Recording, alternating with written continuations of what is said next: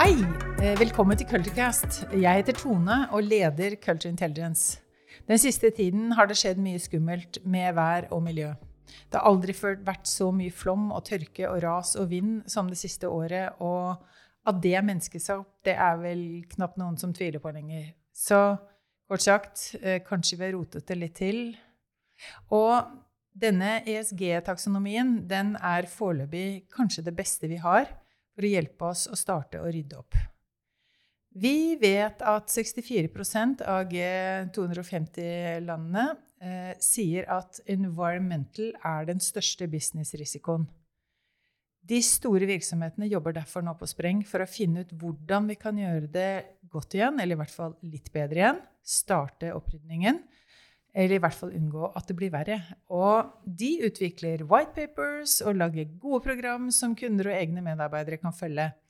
Men eh, spørsmålet mitt er jo litt tror vi på at det vil virke? Og eventuelt er det noe mer vi ikke har tenkt på? Og for å svare på dette så har jeg invitert en som har brukt de siste 20 årene på å finne ut av noe av det her. Hun har tidligere eh, vært konsulent, eh, gründer, kulekjører, toppidrettsutøver, og nå vet dere hvem det er, eh, og har vært i styret i Antidoping Norway, chairmember i Women Protect i Olympic-komiteen, og har nå rollen som partner, eh, Head of Strategy and Transformation, EMA ESG Hub, i KPMG. Velkommen til oss, Stine Lise Hattestad Bratsberg. Velkommen. Takk. Veldig kult å ha deg her. Og jeg vet at du er en superbusy dame, så, så, det å få deg inn på det temaet her, det har jeg gleda meg skikkelig til. For jeg tenker at du har virkelig dedikert dette ordentlig til livet ditt. Uh, og Derfor så kunne jeg tenke meg å bare starte litt sånn uh, Si litt sånn Er dette den virkelig store passion in life nå? Bare, ikke bare nå, tror jeg jeg må si. Og du sa 20 år. Det er å legge på fem år for mye. For det var ca. 15 år siden hvor jeg gikk da all in eh, for å bare jobbe med bærekraft. Og eh, jeg tror det liksom ligger litt i ryggraden min fra jeg var liten. Eh, jeg har en familie som alltid har vært ute. Nytt naturen, klatra i fjell og holdt på. Og så når jeg da fikk en idrettskarriere hvor man da også er ute.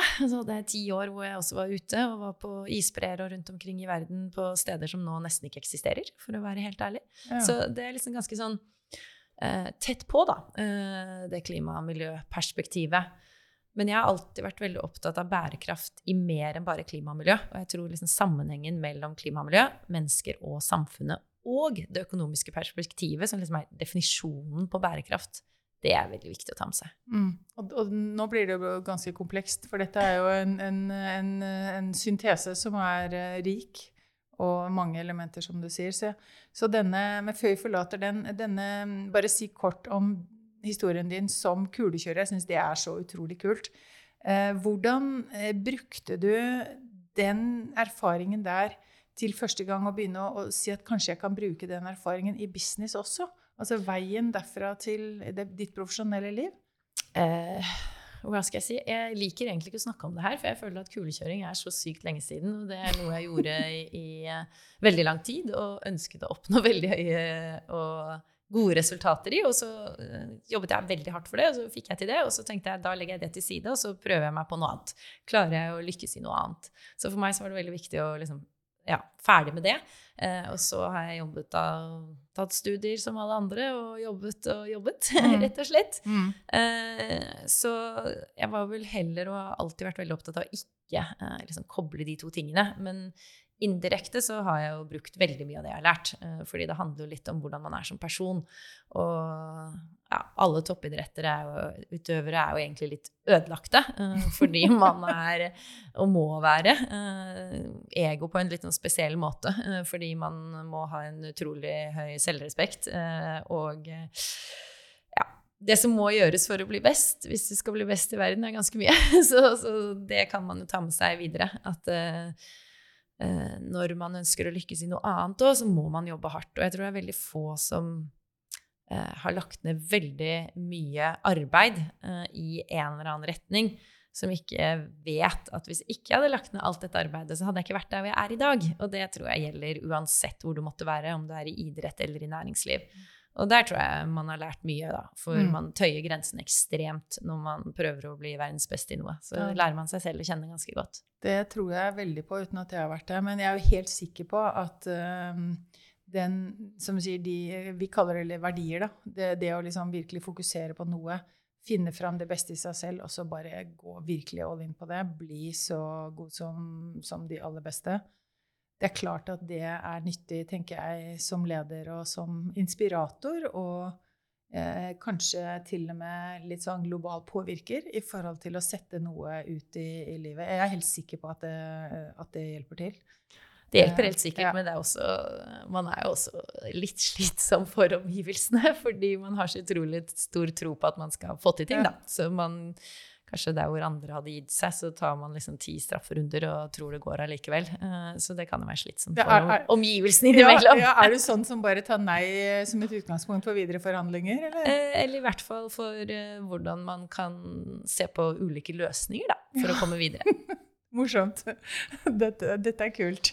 Um, da går vi inn i SG-feltet, fordi det er jo liksom der du Der, der jeg fant deg, eh, det var når jeg skjønte at du hadde solgt uh, selskapet ditt og gikk inn i KPMG, og da tenkte jeg da satser jo KPMG på dette området veldig. Og så har, fått, har de gitt deg en rolle og ressurser og liksom myndighet og muligheter til å virkelig gjøre det stort, da, skalere dette du tror på. Men før, eh, før vi starter med noen liksom, løsninger, hva, hva er egentlig denne ESG-taksonomien, sånn for meg som ikke kan det så godt? Ja. Nei, det, det er egentlig ikke det, det heter egentlig ikke ESG-taksonomi heller. Altså, det er så mange begreper. Altså, det Ja. er helt vilt. Ja, jeg vet. Eller hvis det man vet, vil Ja, nei, men det er, det, er det, det er vel det vi ingen vet. Uh, Hjelp meg! ta Ja, nå skal jeg hjelpe deg. Nå skal, Ja. jeg, ta, skal jeg prøve å ta en speeddate på utviklingen innenfor dette fagfeltet. Det begynte med at eh, store virksomheter rett og slett ønsket bare å se bra ut og ikke bli tatt for at de gjorde noe galt. Eh, særlig kanskje i andre land enn Norge. Så hvis man også da investerte i filantropi eller andre gode ting, så slapp man skatt. Eh, det er noen som gjør det fortsatt. Så ble det CSRD, Corporate Social Responsibility. Da var det sånn at hvis vi i hvert fall skal gjøre noe, så ønsker vi også å bidra tilbake til samfunnet. Og det hadde ingen sammenheng nå setter jeg litt på spissen, men hadde ingen sammenheng med hva du faktisk drev med i business. Og så endret flere seg til å kalle det Corporate Responsibility. Da var det mer knyttet til business, men ikke core og kjernen av hvordan du driver business i det hele tatt. Og så eh, kom da FNs bærekraftsmål i 2016, som var liksom et virkelig eh, taktskifte. For det var da 17 bærekraftsmål som gjelder for alle. Det vil si at de gjelder for næringsliv, det gjelder for stater, det gjelder for land, det gjelder for alle. Og det var liksom um, hva skal vi si, eh, alle verdens land var enige om dette. Det betød at alle var enige om du var akademiker eller næringsliv. Og næringsliv tok dette inn over seg ganske raskt, og så at dette er faktisk et rammeverk som vi kan prøve å forholde oss til. Hvordan kan vi bidra til at vi når disse 17 bærekraftsmålene, eller hvor har vi virkelig en nedside? Og så har det vel lenge vært at man bare har sett på hvor er det vi liksom på en eller annen måte kan bidra. Så har man gått mer over til å se på eh, hvor er det faktisk vi har de virkelig store risikoene. Og så har det vært veldig mye risikofokus, veldig mye fokus på rapportering og det å vite hvor man eh, også får finansielle utfordringer hvis man ikke kjenner til risikoene sine. Og så har pendelen snudd, litt tilbake nå. Hvordan tar man faktisk, og det er der vi bør være, hvordan tar vi bærekraft fullt og helt inn i kjernen av hvordan vi driver vår virksomhet? Så vi, ideelt sett så snakker vi ikke lenger om en ESG-strategi eller en bærekraftstrategi. Vi snakker om en forretningsstrategi som er bærekraftig. Og forskjellen da mellom at uh, man snakker ESG og bærekraft, sustainability, eh, det er at eh, fra altså Jeg vet ikke hvor lenge siden, men det er veldig veldig lenge siden at eh, finansielle, altså miljøer, kapitaleiere, de har snakket ESG veldig veldig lenge. For de har hatt veldig stor fokus på G-en, altså den Mm. governance-biten. Mm. Og så har E-en da kommet med full fart, og så er S-en også i ferd med å komme. E-en står jo for environment, og Mm. S for social. Mm. Så, så det er veldig mange som kan diskutere hva skal man bruke av begrep, og det gjør man i veldig mange miljøer. Og du vil sikkert, hvis du ser på de fire store rådgivningshusene, så bruker man ESG. Noen har faktisk gått over til å bruke sustainability igjen. Så, så det er litt sånn frem og tilbake. Og uh, ja, men det er der, derfra ESG kommer. Mm.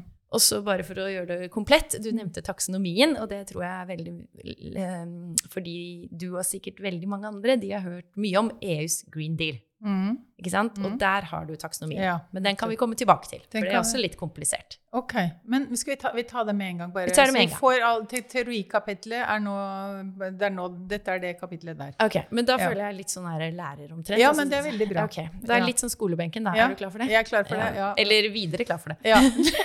Eh, jo, Den første delen gikk veldig bra. følte Første delen gikk bra. Ja. Da er vi inn på annen del. Um, EUs Green Deal Ja. ene og alene er fordi vi trenger mm, eh, mer kapital for å løse de utfordringene vi står overfor. EUs Green Deal består av ti ulike uh, aktiviteter.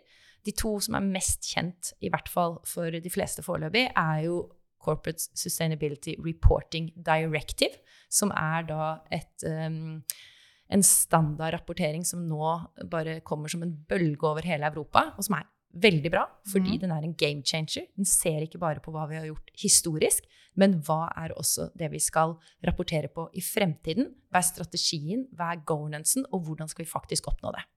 Så det er én av tingene. Og det andre, siden du nevnte det, det er taksonomien. Taksonomien sier egentlig hva er det som er grønne aktiviteter? Kvalifisere for grønne aktiviteter i en, eh, i en forretning. Da. Hva er det som er grønne aktiviteter, hva er det som er ikke-grønne aktiviteter? Men mange snakker om brune aktiviteter, men det finnes ikke per dags dato. Det er grønt eller ikke noe. Holdt jeg på å si. Du er kvalifiserer for å være grønt, da. Okay. Eh, og tilbake igjen til da dette med hvorfor EUs Green Deal og disse ti aktivitetene er så viktig, er dette med kapital.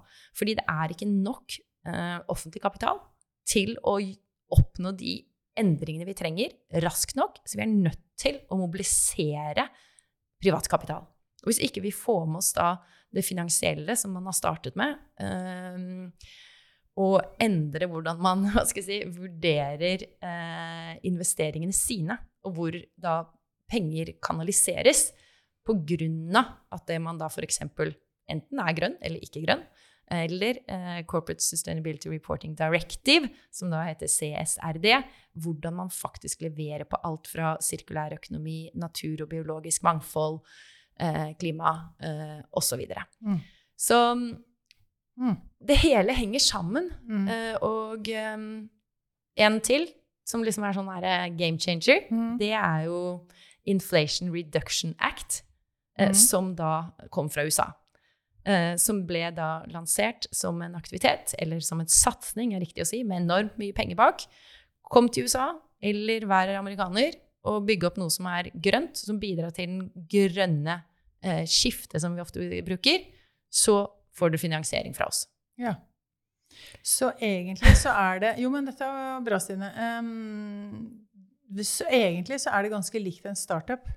Som, jo, men ikke sant? Den har ikke nok kapital til å gjøre det den skal med å klare alle disse endringene, som trenger privat kapital i tillegg. Så det er jo litt sånn i forhold til det å da finne hvordan skal man gjøre det ikke bare lønnsomt, men, men sørge for at folk gjør det. Altså du må bygge noe som egentlig i utgangspunktet ikke klarer seg selv, da. Ja, jeg har faktisk aldri tenkt på EU som en startup, for jeg føler den er litt mer byråkratisk enn som så. Men, men at EU Ja. har et samme eh, ønske med EUs Green Deal Ja. som veldig mange startup har, Ja. og det er å være først Ja. og best Ikke sant? på bærekraft. Det er helt klart. Og trenger da tilført kapital.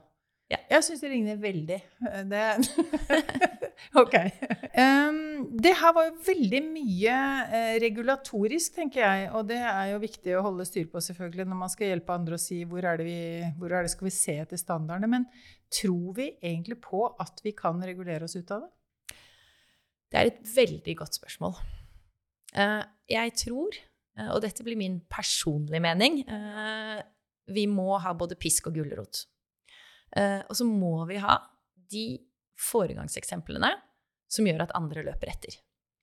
Og hvis ikke vi tør å investere i det um, som nasjon, eller som enkeltsektorer, eh, industrier, eh, aktører, uh, så klarer vi ikke å nå noen av de målene vi har satt oss.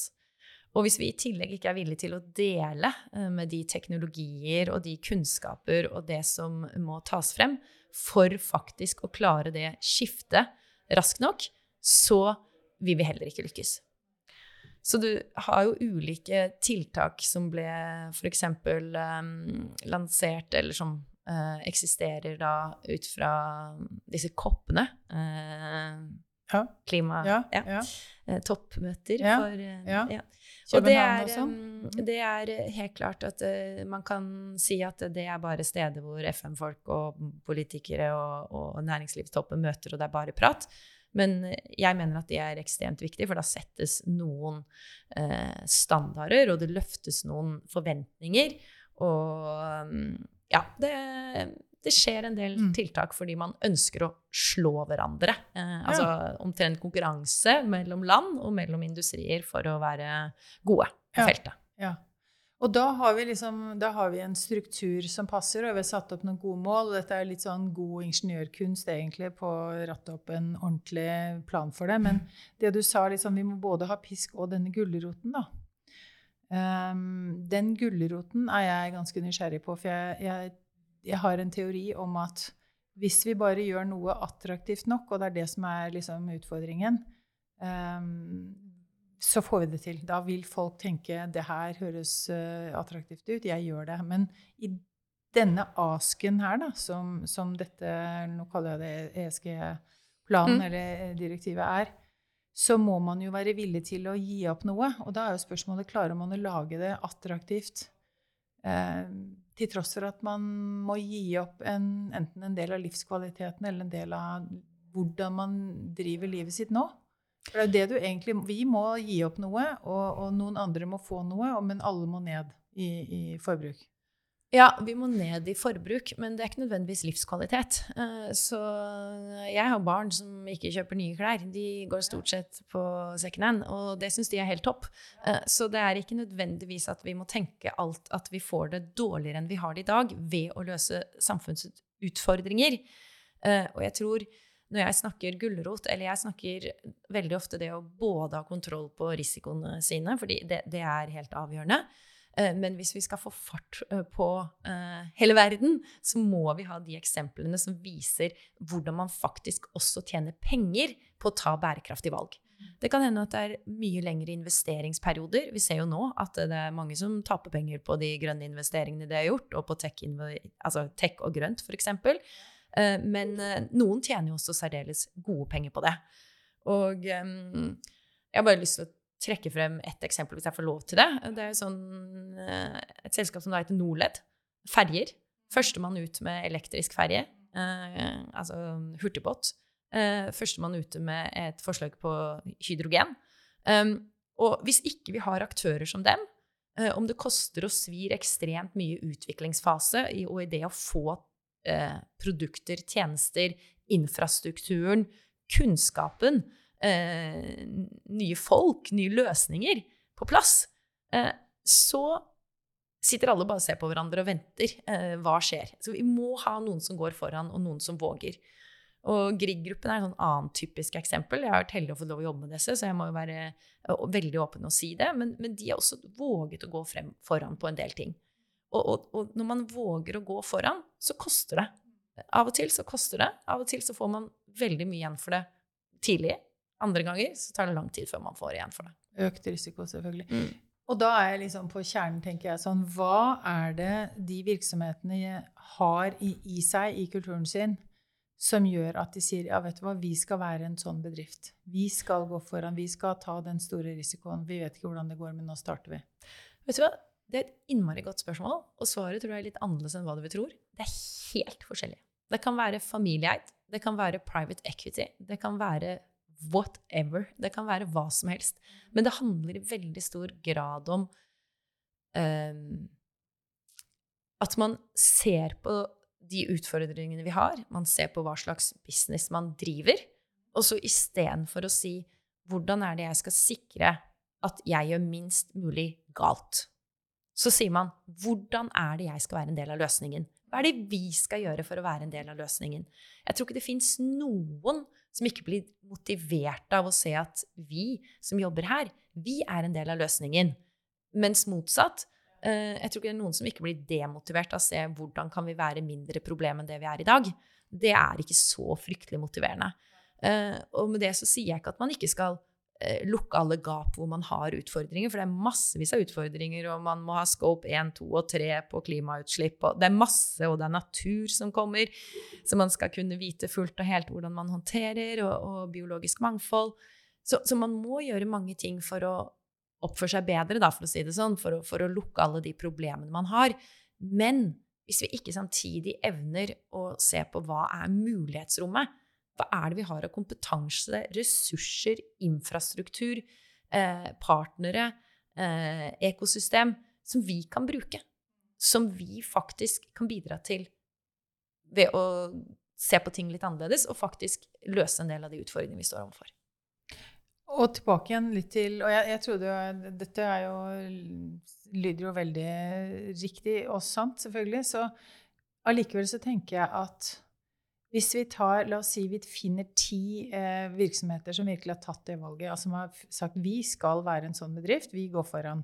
Og eiersetting er tydeligvis ikke en, en, en sånn faktor. Men jeg er nesten sikker på, hypotese fra meg, at hvis vi tar de ti virksomhetene, kartlegger hva slags kultur er det de har, så vil noen elementer i den kulturen ligne på hverandre. Altså verdimessig fra bedrift til bedrift. Og jeg leter jo med lykt og lupe på hva er de verdiene der. fordi hvis vi finner ut av det, hvordan, så kan vi si hvordan skal vi skalere mm. den farten på de som, uh, som, går foran. fordi da vet vi hva de er bygget på, og så mm. kan vi lære av det. Mm.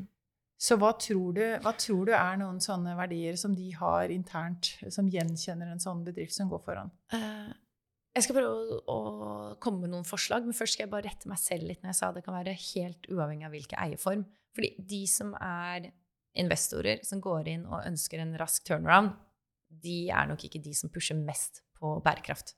Så, så, når jeg sa private equity og andre eh, som investorer som da har et mer hva skal vi si, infrastrukturblikk, eh, eh, som da er litt mer lengre perspektiv, da. Bare rette meg opp. Rette ja. meg selv på det. Det, går fint. Ja, ja. um, ok, så la oss ta disse ti virksomhetene, da. jeg tror For det første så har vi vel gjort også ganske mye kartlegging som viser at hvis ikke dette er toned from the top, altså hvis ikke det er noe som man blir målt på Altså hvis ikke det er et styre, eiere, eh, som faktisk måler ledergruppen og de som leder et virksomhet, på at man eh, skal oppnå gode resultater også innenfor bærekraftig forretningsutvikling, eh, så skjer ingenting. Nei. Eller veldig lite. Men det betyr ikke at det skal være også push nedenfra. Eh, så det er begge deler som ofte må til. Eh, og så tror jeg at det må faktisk være ganske, kanskje uventet, men pragmatisk. Fordi det er dilemmaer herfra til evigheten. Og selv om du da sier at du skal være en skikkelig bærekraftig virksomhet, så må du ta valg som ikke er det ypperste og det beste for bærekraft innimellom. Fordi hvis du ikke tar valg som gjør at du også ivaretar forretningsmessige, så kan det hende at du tar noen gale valg. Men her kommer det kortsiktige og langsiktige veldig fort inn i bildet. Eh, og eh, eh, jeg tror verdisettet er faktisk at man ønsker å bidra til å skape verdier som gagner mer enn bare meg selv, mm. uh, mine eiere, uh, og to streker under svaret. Mm. Uh, og ja, undersøkelser blant unge mennesker i dag ønsker å ha en litt større mening med jobben sin enn bare å tjene penger til seg mm. selv eller til eiere. Um, vi har jo kartlagt de sånn talentkultur. Og vi ser altså Young Professionals har noen veldig Det med global influence, altså de har lyst til å påvirke. Og de har et uh, nesten 50% høyere fokus på verdien bærekraft enn uh, si, voksne som har vært i, i, i uh, jobb noen år. Så, så, de har det, men, men virksomhetene er jo fulle av sånne som deg og meg, og, og som som plutselig nå ikke skal måles på penger. De skal måles på noe annet også. Så hvordan får vi til det? Jeg tror det viktigste er å tenke hele tiden kjernen av virksomhet. For, for, hvis du skal begynne å måle, la oss si meg og deg, da, på noe ja. som vi føler er langt unna hva som har noe med vår virksomhet å gjøre, uh, så, så, så det er ikke eller for å si det sånn, pendelen og farten vi trenger for å gjøre de endringene vi skal, det handler uh, ikke om vi bare tar pappklyrus, eller om vi tar det samme kruset hver dag hele dagen. Det er ikke der slaget står. Hvis du jobber i en sementfabrikk, uh, da, mm. uh, så er det noe helt annet som er mye viktigere. Uh, så, så, det jeg tror Hvis vi mennesker opplever at det er relevant i forhold til hva jeg gjør, det er relevant i forhold til hva jeg leverer på jobben min, og hvilke innkjøp vi gjør, hvilke partnere vi har, hvilke krav vi setter, bruker vi makten vår til å påvirke verdikjeden vår i en mer bærekraftig retning, eller gjør vi ikke det? Um, mm. så, så, så, det er egentlig Jeg tror verdiene er Ja, du må være modig. Eh, du må være litt pragmatisk. Du må være tøff på dilemmaer. Du må tørre å stå i dilemmaer. Uh, og så uh, er det bare kanskje et sånn glansbildeønske fra min mm. side, men det er jo at du skal være veldig businessorientert. Fordi vi må ha det er ikke idealisme som kommer til å sette fart nå. Nei. Det er idealismen i kombinasjon med kjernebusiness. Altså ordentlig ja. høye ja. mål for hvordan man skal oppnå resultater. Ja, Det der er kult, fordi jeg tror det har jeg ikke hørt noen snakke om før. At du også må tenke business. For det er det små og mellomstore bedrifter de, de, må jo, de, de, må jo, også overleve. ikke sant? Så det er en litt sånn så når jeg har tenkt på um, denne ESG-en, så har jeg tenkt at uh, G-en får man liksom til den er over, nesten overregulert nå i forhold til uh, mange ting som man kan og ikke kan. E-en kommer og har vært der en stund. Men denne S-en i midten, altså den samfunnsmessige, societal, uh, social vi, Hvor langt er den kommet? For det er den jeg hører aller minst om, men som jeg tror da kanskje er aller viktigst for å få det hele til å virke. Hva har du tenkt om det? Jeg tror det er litt forskjell fra ulike steder i verden. Altså, social eh, kommer ganske fort og raskt i USA om dagen. Eh, der er det stor fokus på det. Og jeg vil ikke si at det ikke er fokus på det i Europa heller, men jeg tror dette handler også med sammenhenger.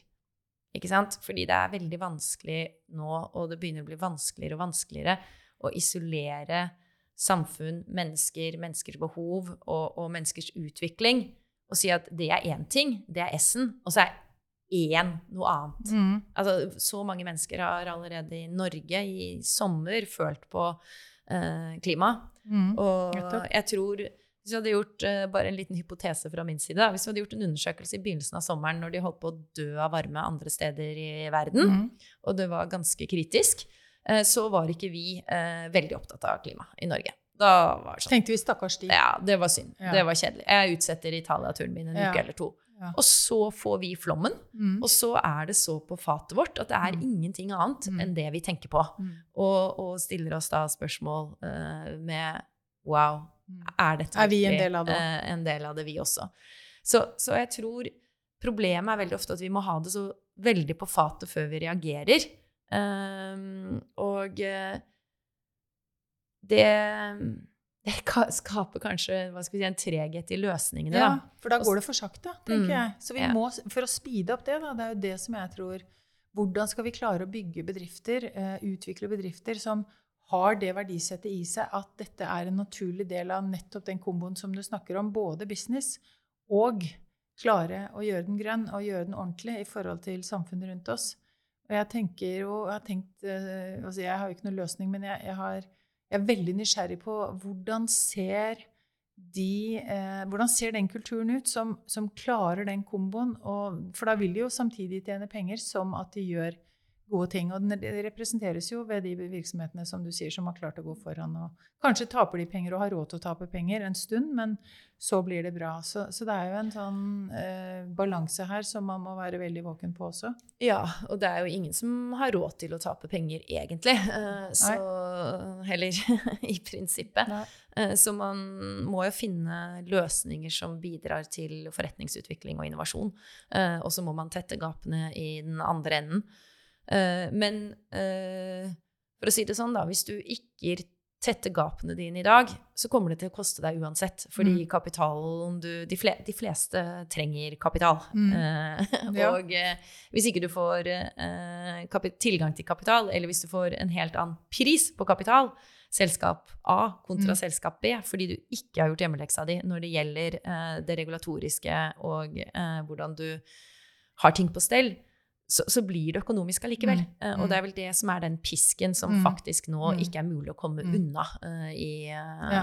videreutvikling Ja. av EU, da i hvert fall, og de lov og regler vi også er innunder. Ja. Men selvfølgelig, det er jo kritikker til de standardene og ESG som det er til alt annet, og ingenting blir helt perfekt. Men målet nå er jo å kunne sammenligne epler og epler Ja. Og pære og pære, for å si Ja, sånn, sant? istedenfor Å ikke kunne det. Mm. ja. Vi er i et, um, et EU-prosjekt nå som, eh, som 24 ulike partnere jobber sammen i noe helt annet innenfor noe i helse.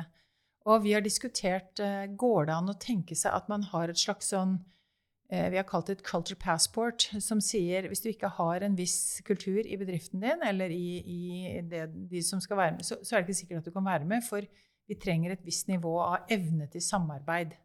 Sant? Vi kan ikke ha med noen som ikke skjønner hvordan de skal være en partner, og hvordan de skal jobbe sammen, og hvordan de skal både gi og ta. Så hvis man flytter den over til, til eh, ESG, eller sustainability-diskusjon, så kunne man kanskje tenke at hvis du ikke har eh, god, eh, et godt passport da, for å vise at du har eh, innsikt i hva slags kultur du har, og du har en kultur som ikke bare på oppgaver sier ja, det har vi gjort, det har vi gjort, det har vi gjort, men faktisk verdimessig kan vise at der er folk opptatt av de verdiene man trenger for å lage sustainable business. Så har vi tenkt går det, Tror man at det går an, å liksom gjøre det så tydelig at du blir, du blir utfordret på at du må faktisk ha den type dokumentasjon, eller blir det å dra det veldig langt, tror du, i forhold til hva slags bedrifter vi ønsker å utvikle? Eh, For meg så opplever jeg at det kanskje blir å dra det veldig langt. For jeg tror det at eh, desto mer eh, ulikheter det er i en virksomhet, og desto Altså at folk da er, Mm. ikke er Alle er like, og at man faktisk har ulik eh, Hva skal vi si bakgrunn og, og men kanskje ikke verdisett. Ja, det var et litt vanskelig spørsmål. Jeg, jeg, Ja, det vet det jeg faktisk Nei, ikke. men. Jeg vet ikke, men jeg har lyst til å si én ting, og jeg tror noe som er helt avgjørende uansett kult, altså, verdier i en kultur, Mm. så er det slik at mange virksomheter må ha omstillingsdyktige Ja. folk. Fordi vi står i transformasjon. Vi er i en transformasjon. Mm. Og hvis du ikke liker å endre, Mm. endre deg selv, Mm. bli endret, endre businessen, endre hele, hele, alt som fungerer på den jobben du er i dag, Mm. Eh, så sier jeg ikke at alle skal endre seg 100% men det blir mye endringer fremover. Ja. Og transformasjon innebærer endringer. Ja. Så endringsvillighet, Ja. det er ekstremt viktig. Det må man. Og da må man faktisk også ha kompetansebygging. Eh, ja, man må rett og slett se litt annerledes på en del ting. Så når man da eh, skal henge med i utviklingen, så, så, så er det faktisk en del eh, ja, Vi har gjort oss en del erfaringer da, både i Norge og globalt, at det, faktisk så kan det hende man må bytte ut deler av ledergruppen, fordi Ja. de sitter ikke med den kompetansen man trenger. Eh, man må begynne å, rekruttere på andre kriterier enn man Mhm. har gjort tidligere, fordi man Ja. trenger andre typer kompetanser. Eh, man må gå i partnerskap med andre aktører enn hva man gjorde tidligere, fordi det er annen kompetanse som trengs inn, eller det er annen infrastrukturtilgang, eller distribusjonstilgang, osv. Så, videre. så Så det er, det er veldig spennende. Ja, det- Jeg hører jo at jeg er veldig nerdete nå, altså, men det Nei, er men jo det er veldig spennende. Inn der er det jo Det er dit jeg tenker at diskusjonen må gå. fordi da må vi tydeliggjøre mye mer, ikke bare hva vi gjør, men hvem vi er. Hva er det faktisk som foregår med oss? Meg som enkeltperson, oss som team, eh, alle oss som selskap. Så, og, og liksom, hva slags aktør er vi egentlig uti der? Og det syns jeg er kjempespennende. Så jeg, så jeg for eksempel nysgjerrig på Eller på, ta KPMG, da, eh, som du nå kjenner veldig godt. Eh, hva slags kultur har de som gjør at dette funker? Eh, For dere var det 160 000 medarbeidere globalt eller noe sånt. Det er jo en greit stor bedrift. Eh, 270. 270, er ja. Ok, feil på nettet. Eh, sorry, nettet. men ikke sant? Um, også man kan ikke snakke om én kultur, men hvis du tar i Norge eh, hva er det med den kulturen som gjør at dette her funker kjempebra for dere? Men jeg vil ikke si at det funker kjempebra for oss. Vi har mange steder vi kan bli mye bedre og gjøre enda bedre jobb for kundene våre også.